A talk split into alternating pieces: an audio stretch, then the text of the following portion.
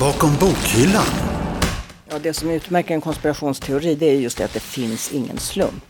Och det är alltså det är konspirationsteoretiken som har till uppgift då att förklara hur allting hänger ihop. Och det finns de som är frustrerade och arga och menar att myndigheterna har överdrivit hela situationen och bidragit till att skapa onödig panik. Den demonstrationen löstes upp med stöd av eh, pandemilagen. Men det är ju centrala frågor. Varför kom pandemin hit? Varför blev det ett, mer i ett område i Sverige än ett annat? Det här eh, både skapar oro och också naturligtvis speglar den oro som vi ju känner. För vi lever i en tillvaro där vi också blir på något sätt intalade. Eh, ja, att, ungefär att vi har rationaliserat bort sjukdomar och död.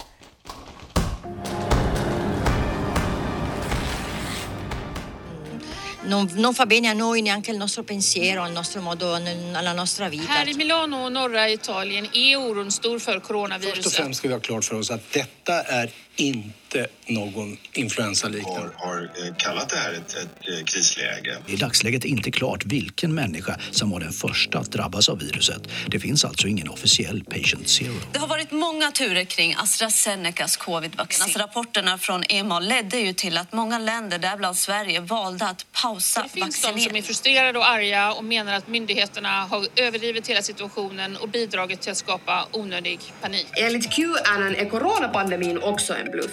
För pandemin existerar endast för att få bort uppmärksamheten från den hemliga grupp som egentligen styr världen. Fake news spreads faster and more easily than this virus and is just as dangerous.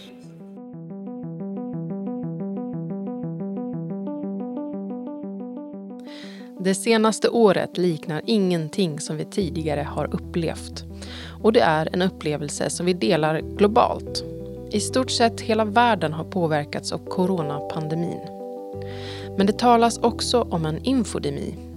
Det vill säga att det sprids desinformation, felaktig information om coronaviruset. Varifrån det kommer, vems fel det är att människor blir sjuka och hur man kan skydda sig mot det. En del information klassas som rena konspirationsteorier som till exempel att utbyggnaden av 5G-näten har bidragit till smittspridningen eller är själva orsaken till att människor blir sjuka. Do you know what you're doing there? You're laying 5G. Yeah. You realise that, don't you? Yeah? So what, you know that kills people. Det finns inget som helst vetenskapligt belägg för den farhågan. Men vad spelar forskning och vetenskap för roll när kriser som coronapandemin sveper över världen? Det ska vi prata om i det här avsnittet av Bakom bokhyllan med mig, Cecilia Burman.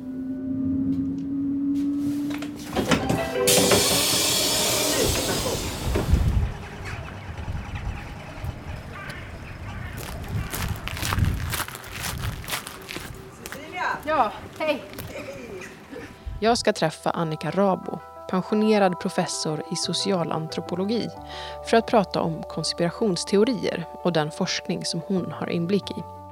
Annika Rabo är nämligen med i ett europeiskt nätverk som kallas Compact där omkring 150 forskare från 35 länder arbetar tvärvetenskapligt för att förstå uppkomsten och effekterna av konspirationsteorier. Men vi befinner oss nu i Gnesta centrum eh, söder om Stockholm på Gnesta bibliotek som var vänliga att låna ut sina lokaler till oss. Eh, och det ligger ganska nära ditt hem och anledningen till att vi ses här är ju för att du helst inte reser till Stockholms universitet på grund av de restriktioner som finns. Om vi börjar där, liksom, hur har det här senaste året påverkat dig? Har du tyckt att det har varit jobbigt att eh, leva under de här restriktionerna och råden och begränsningarna? Alltså när man är pensionär så har man ju, styr man ju sig själv på ett helt annat sätt. Så att jag har ju inte haft undervisning. Jag har, har en väldig massa andra åtaganden på universitetet och mina olika forskargrupper och sånt där. Och projekt som jag fortfarande håller på att jobba med. Men jag har inte undervisning så på det sättet så har jag inte varit tvungen att ställa om allting till Zoom. Men det är klart att vi saknar ju alla umgänge. Man saknar arbetskamrater och att, att ha Zoom-fika är ju absolut inte samma sak som att sladdra lite i korridoren. Så att på det sättet så har det ju varit helt enkelt urtrist. Um, för några veckor sedan så arrangerades det ju demonstrationer i Stockholm men också i Malmö och Göteborg där man protesterade mot de här coronarestriktionerna. Och eh, om man tittar på de budskapen som förs fram där så är det ju mycket att pandemin är ett påhitt för att dölja nästa bankkrasch. Eller att det är läkemedelsföretagen som på något sätt ligger bakom och bara är ute efter att tjäna pengar på vacciner och liknande. Demonstrationen löstes upp med stöd av eh, pandemilagen så började man tåga mot eh, Hur ska man tolka de här demonstranternas åsikter, tycker du? Alltså som det verkar så är det en väldig blandning av olika slags motiv och åsikter som driver de här människorna. Och det har vi också sett på andra håll i Europa där de här demonstrationerna har ju varit mycket, mycket, kom mycket tidigare. Inte så underligt heller med tanke på att restriktionerna i Sverige har ju ändå varit en barnlek jämfört med många andra, andra länder. Men det här är ju budskap som transporteras och som förs fram på många olika håll. Så att det är inte så konstigt att de så småningom också kom till Sverige och också uttrycktes att då olika grupperingar, allt ifrån sådana som anser att det här handlar om, om att det är maskopi, som du säger, läkemedelsindustrin och andra som är djupt oroade för till exempel vaccinet och som anser att vaccinet är farligare än än själva sjukdomen. Och sådana som överhuvudtaget förnekar att det, har, att det handlar om en, om en pandemi utan att det då är en slags cover-up istället för att göra andra teknologiska förändringar som 5G-nätet och sånt. Så att det är en väldig, väldig blandning utav personer som kan ha många olika motiv. Och alla motiv och alla tankegångar är ju inte konspirationsteoretiska utan de speglar ju också en, en oro antingen för att, att vi får en sån samstämmighet, en sån konsensus att vi inte kan föra fram kritik. Alltså då, sådana som säger att de står upp för eh, yttrandefriheten till de som oroar sig för hur om deras barn ska vaccineras och allt möjligt annat. Så att det är en väldig blandning. Eh, och det har vi också sett på andra håll i, i Europa. Varifrån kommer de här idéerna då? Alltså jag tänker att hur kopplar man ihop 5G eh, med pandemin? Alltså vart, vart föds de här idéerna? Ja, alltså ursprung. Om den som är intresserad av att hitta ursprung så kommer det nog att vara ganska svårt. Men det vi vet är i alla fall att när det gällde 4G så fanns det en grupp aktivister i Storbritannien som började eh, engagera sig mot det och också förstöra sådana anläggningar. Eh, och sen har det hakat på och liksom ligger latent och kommer tillbaka igen då under 5G. Och sånt ser vi ofta när det gäller olika former utav idégods som rör faran, som rör hot mot samhället. Att det är idéer som ligger och simmar och vid olika tillfällen så kan de komma upp och komma upp starkare till ytan. Och då är det inte så konstigt att 5G kopplas ihop med pandemin. Därför att det är ju ändå någonting som är världsomspännande. Både ut, eh, utvecklingen utav, utav ny teknologi och allt snabbare eh, allt snabbare kommunikationsnät och den här pandemin som också har väldigt, väldigt snabbt spridit sig över, över jorden.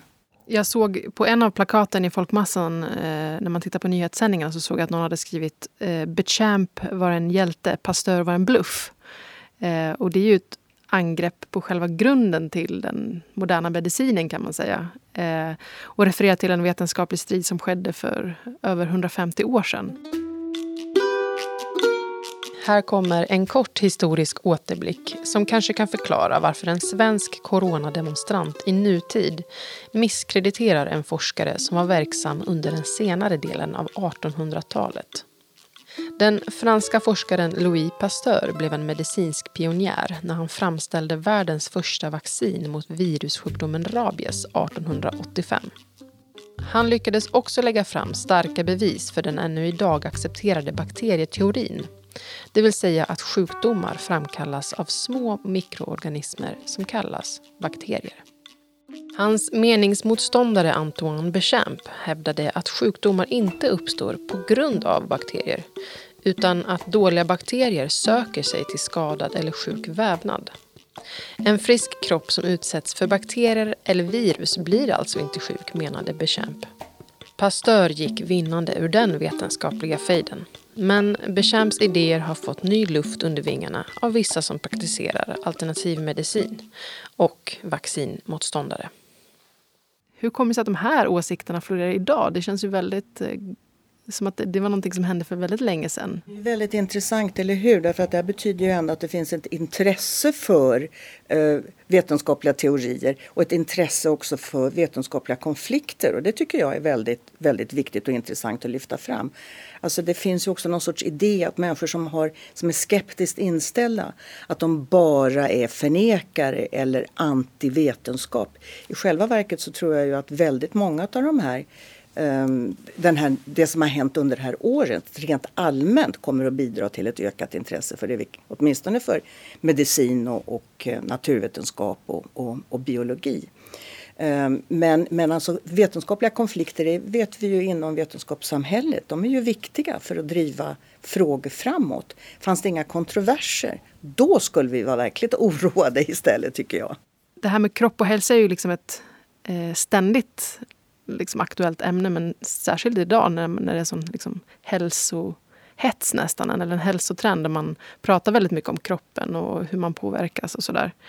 Men är det liksom också en komponent, tror du, att just de här konspirationsteorierna kommer upp nu kring pandemin när vi pratar om vaccin och kropp och hälsa? Liksom? Ja, det är alldeles självklart så. Väldigt många konspirationsteorier har ju ett fokus på politisk makt. Men väldigt många har ju, rör ju Eh, kroppen, eh, hälsan, sjukdomar. Men det är ju centrala frågor som rör oss. Alltså varför drabbas man av sjukdomar?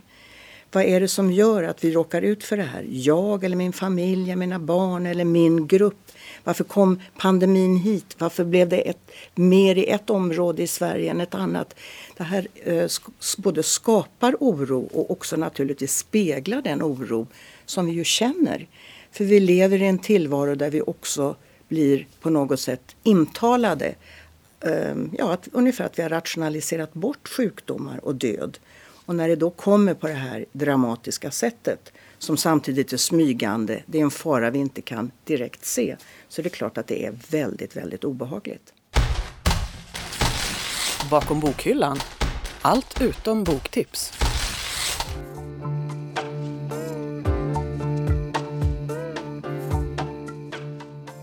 Men, men hur ska man tolka det här liksom nästan öppna stödet för konspirationsteorier när folk liksom går ut och demonstrerar och, och skriver sådana här saker på plakat?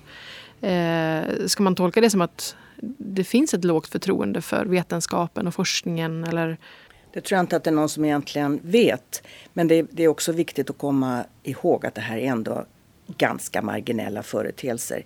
Det är ju väldigt få människor trots allt som är ute och säger att pastör hade fel att det är människor som är ute för att de eh, är upprörda över eh, bristen på rörelsefrihet eller yttrandefrihet. Alltså det är lite olika slags fenomen eh, och olika motiv som jag sa och de svarar på olika frågor. Jag tror att det är viktigt att hålla isär det här. För att annars är det ju lätt att man bara patologiserar människor Eh, och, och, säger att de är okunniga och löjliga och dumma för att de inte tänker precis på samma förnuftiga sätt som jag själv gör. Det är oerhört viktigt att inte göra det och förstå att det finns legitim oro hos människor och det, det måste man ju ta på allvar. Och de som faktiskt är ute för att också sabotera och för att skapa oro. Och sen är det naturligtvis de som bara är ute för att det är kul. Har man suttit inne ett helt år, här är det liksom, kanske inte precis ett rave-party, men i alla fall en happening. Det är något som händer. Alltså det är väldigt många olika motiv och ibland kan de vara väldigt eh, liksom sammankopplande och, och, och, man kan så att säga stå på flera olika motivben under, under sådana här demonstrationer.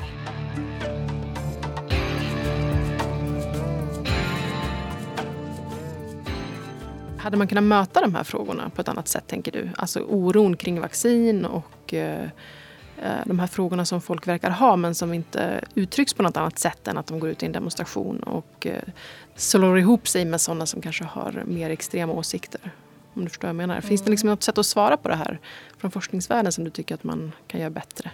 Ja, alltså jag tror inte att forskningsvärlden, det igen, det blir, blir så otroligt nedlåtande som forskningsvärlden har alla svar på alla, alla samhällsfrågor. Det tror jag är en väldigt farlig utväg. Forskarvärlden speglar ju samhället på, på, på gott och på ont och, forskar, och forskarvärlden är inte bättre än, än vanliga samhällsmedborgare. Frågan om tillit, det brukar ju ofta handla om tillit till institutioner också, de politiska institutionerna. Alla undersökningar visar ju att vi har i Norden väldigt hög tillit både till, de, till våra samhälleliga institutioner och också till, till forskningen. Vi har också en väldigt hög frekvens utav vaccinering. Och en eh, undersökning som gjordes där visar att även i, i ett land som Danmark där det var den högsta skepticismen gentemot vaccin, där vaccinerar ändå föräldrarna i väldigt hög grad sina barn. Så att även föräldrar som är skeptiska väljer att vaccinera. Så att det här är otroligt komplicerade frågor.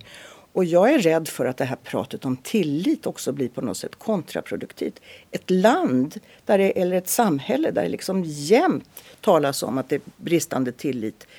Och, och, jag menar varför? Vi, jag menar, vi måste ju också få vara kritiska medborgare. Det är ju också det vi ska uppfostras till. Varenda skolbarn ska ju vara sin egen forskare och kritiskt granska allting.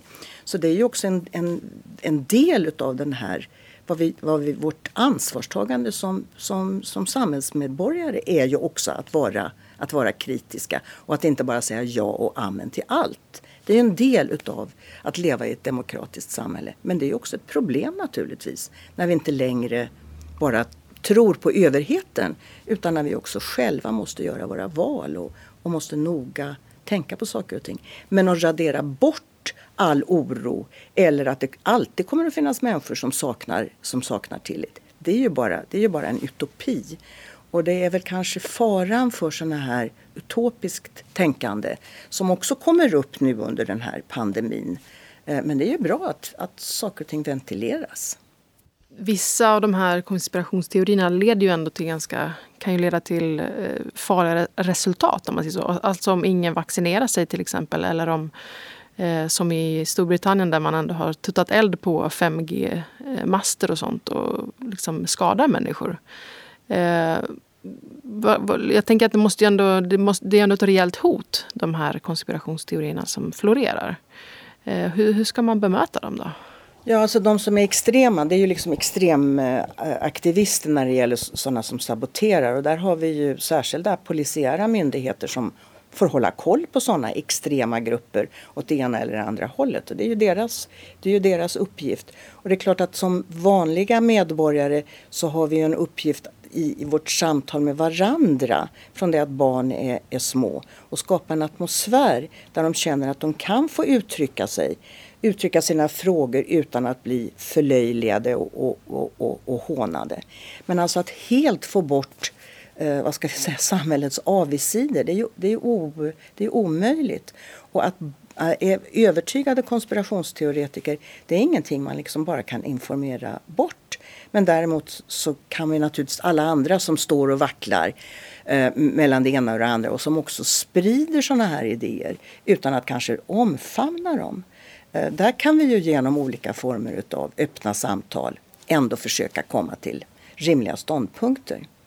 Eh, och eh, vaccinmotståndet verkar ju inte ha ökat under pandemin i, eh, i Sverige och i många likartade länder.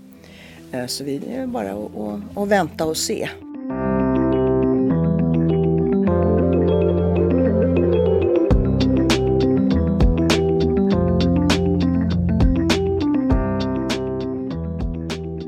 Forskningen har ju verkligen hamnat i centrum under det gångna året. Vi har en statsepidemiolog kan du säga det? Stats... Epidemiolog. Statsepidemiolog. Som blivit både folkkär och hatad. Eh, och vanligt folk diskuterar ju liksom virusmutationer vid frukostbordet.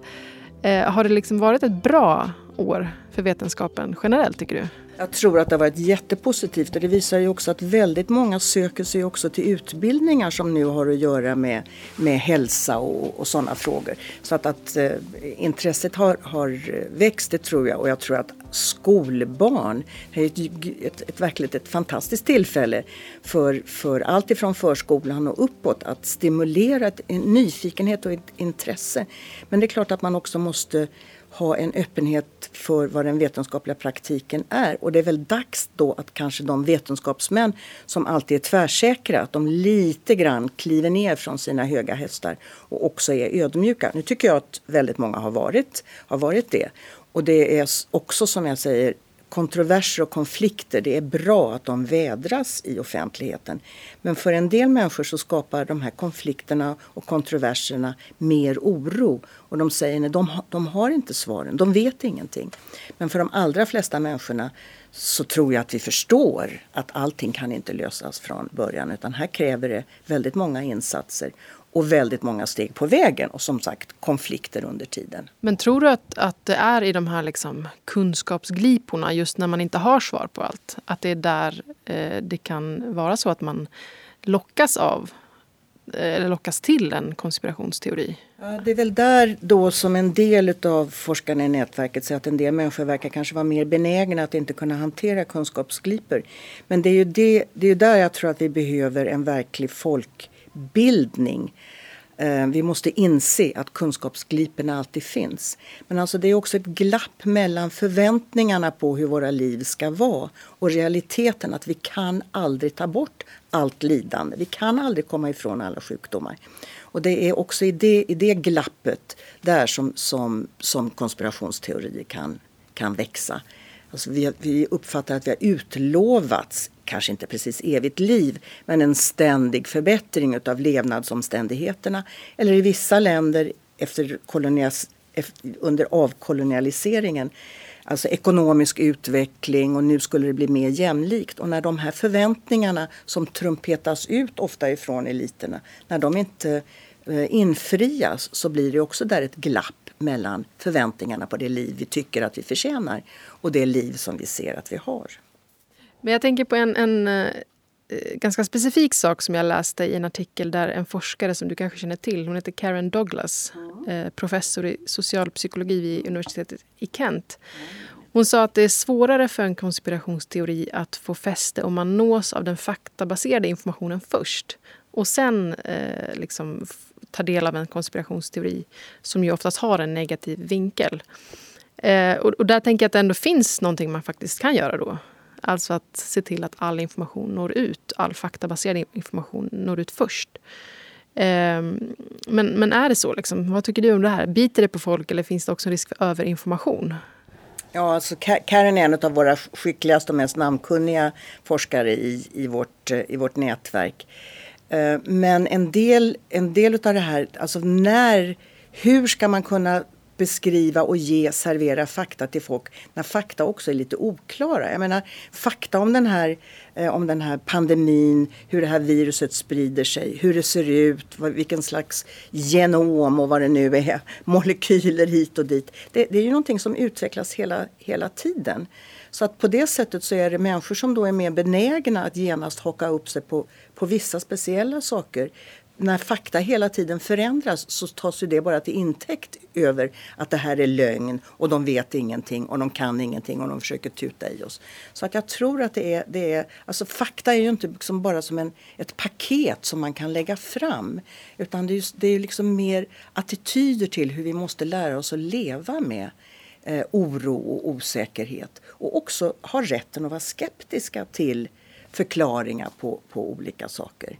Det, detta är inte lätt. Alltså. Det, är, det är ett gigantiskt problem. Och det är ett mycket större problem i vissa länder än vad det är i, i Sverige där vi ändå har en hyfsat, hyfsad eh, sammanhållning. Sen är det klart att en sån här pandemi den, kan ju, den används ju också i väldigt mycket populistiska syften utav politiska krafter som vill utnyttja det här. Sådana här Eh, nationalism och, och allt möjligt som, som uppstår. Och nu kampen mellan Sörmland där jag sitter som är duktigare på att vaccinera äldre än Stockholm. Alltså nu kommer stockholmarna hit säger sörmlänningarna och stjäl vårt vaccin. Alltså det är så mycket annat som uppstår i en sån här situation som, som vi, där vi liksom måste bara försöka hålla tag i vårt, hålla huvudet lite kallt. Men det är ju inte lätt naturligtvis.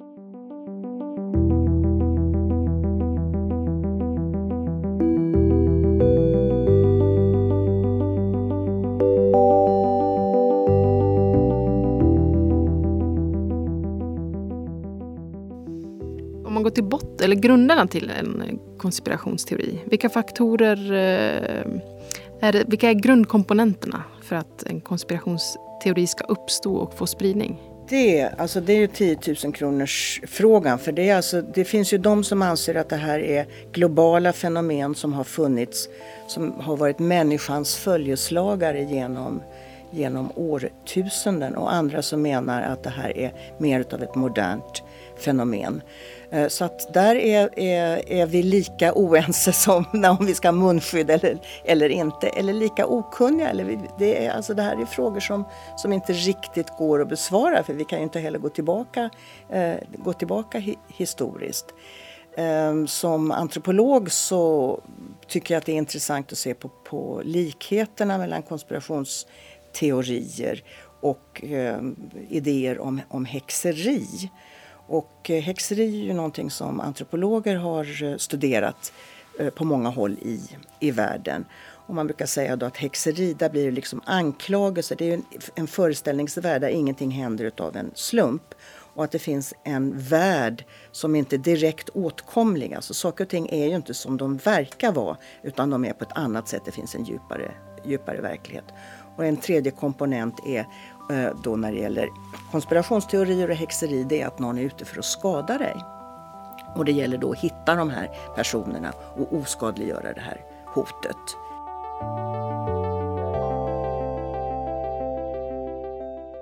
Eh, och eh, tidigare så har, har vi brukat säga att, att häxerianklagelser de riktas ofta mot personer i ens närhet inom en bygemenskap. Och det är också sånt vi kan se i det historiska materialet i, i Sverige. Häxor var ju inte några som bodde på någon annan kontinent utan det var ju personer som, som man liksom kunde peka ut i, i, i det egna lokalsamhället.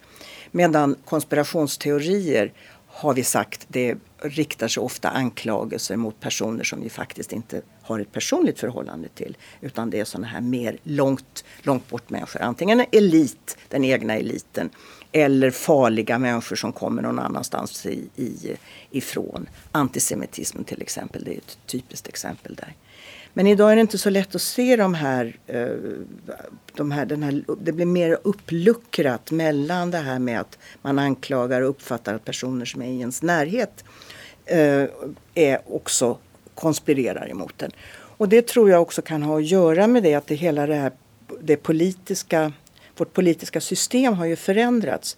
Där en politisk elit, de som styrde och ställde, de var ju tidigare mycket, mycket mer mycket mer långt bort ifrån vanliga människor. Men idag så är ju som sagt eh, Anders Tegnell, han är ju liksom vår, vår brorsa eller vår kompis eller ett hat, eh, hatobjekt. Och våra politiker är också sådana som vi kallar vid förnamn Eh, och de utger sig också för att stå på samma nivå och vara som vanliga människor i väldigt hög grad. Och då gör det att, att det här blir... Ehm, Alltså de, de blir inte längre en, en, en elit som vi inte vet någonting om utan de är också väldigt nära oss. Eh, som också gör då att de kan dras in i konspirationsteorierna eller de här föreställningarna om att de är ute för att skada oss.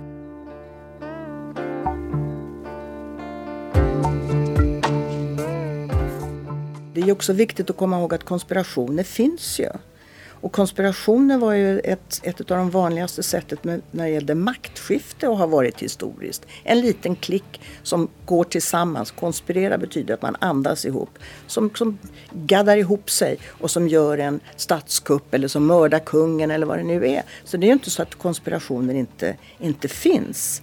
Det har också funnits, eh, kanske inte precis konspirationer men en slags cover-ups åtminstone när det gäller sån här läkemedelsindustri och utprovning av olika läkemedel där man har använt svaga och utsatta utsatta grupper. Så att det är klart att obehagligheter och personer som vill dölja det är ju ingenting som är, som är liksom främmande för, vår, för, den, för mänsklighetens historia. Det var när Annika Rabo arbetade i olika länder i Mellanöstern som hon först kom i kontakt med konspirationsteorier. Där är konspirationsteorierna många menar hon och sprids av både makteliten och folket. Och i länder där man, har ett, där man kan, ha, känner mycket, mycket mer in på huden hur yttre makter eller inre makter faktiskt håller sig kvar Eh, och också konspirerar för att skada den egna befolkningen. Så är det alldeles självklart att, sånt här, att det finns en stark grogrund. Och det är också i sådana länder som väldigt ofta makthavarna själva naturligtvis är livrädda för att någon annan ska komma och ta över makten som de också för ut och driver på sådana här konspirationsteorier. Så att i, eh, med, med, populistiska rörelser, det ser vi ju runt omkring nu i Europa, med populistiska partier, att där finns det ju också en, en, en stark koppling till att också föra ut ifrån eh, politiska ledare konspirationsteorier. Och Trump var ju liksom ett paradexempel, men inte den enda. Jag menar, USA är ju, är ju välkänt för, för liksom en en, kanske inte kallar det för en stolt tradition, men en lång tradition utav konspiratoriskt tänkande. Men om man säger så här, vad utmärker en konspirationsteori i jämförelse med vanligt kritiskt tänkande då? Och ett sunt ifrågasättande av de som har makten? Ja, det som utmärker en konspirationsteori det är just det att det finns ingen slump. Och det är alltså det är konspirationsteoretikern som har till uppgift då att förklara hur allting hänger ihop och att det är, saker och ting är inte alls som de verkar vara och därför måste man gräva djupare. Och det är ju gemensamt med väldigt mycket utav den samhällsvetenskapliga forskningen också och alla möjliga, möjliga teorier. Men alltså det som utmärker en konspirationsteoretiker eller en teori det är ju att världen är uppdelad i vitt och svart. Det finns onda och goda krafter. Och det som då gör att en del människor blir väldigt, väldigt besjälade av det här. Det är ju att de tycker att de står i det godas tjänst. Och det är deras som sagt då, uppgift att missionera och få resten utav de som är förblindade att förstå hur saker och ting egentligen hänger ihop. Alltså att man kopplar ihop prickarna. Okej, en sista fråga då. Hur kan man snabbt identifiera en konspirationsteori? Det är att det finns en förklaring till allting. Alltså det finns inga frågetecken kvar. De här prickarna, de är ihopkopplade. Någon som säger att de har svaren på allt. Då ska man verkligen bli misstänksam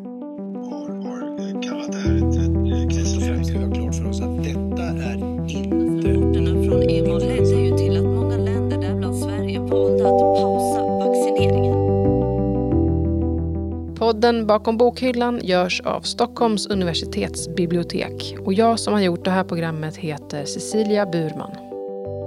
Du har också hört Annika Rabo, professor i socialantropologi, prata om konspirationsteoriernas betydelse i den pågående coronapandemin. Musiken som vi har spelat i det här programmet finns listad på vår hemsida su.se biblioteket. Där hittar du också alla våra tidigare avsnitt, som bland annat avsnitt 18 som handlar om fake news och kunskapsresistens eller avsnitt 32 som handlar om hur coronapandemin har påverkat studenter och forskare vid Stockholms universitet. Tack för att du har lyssnat.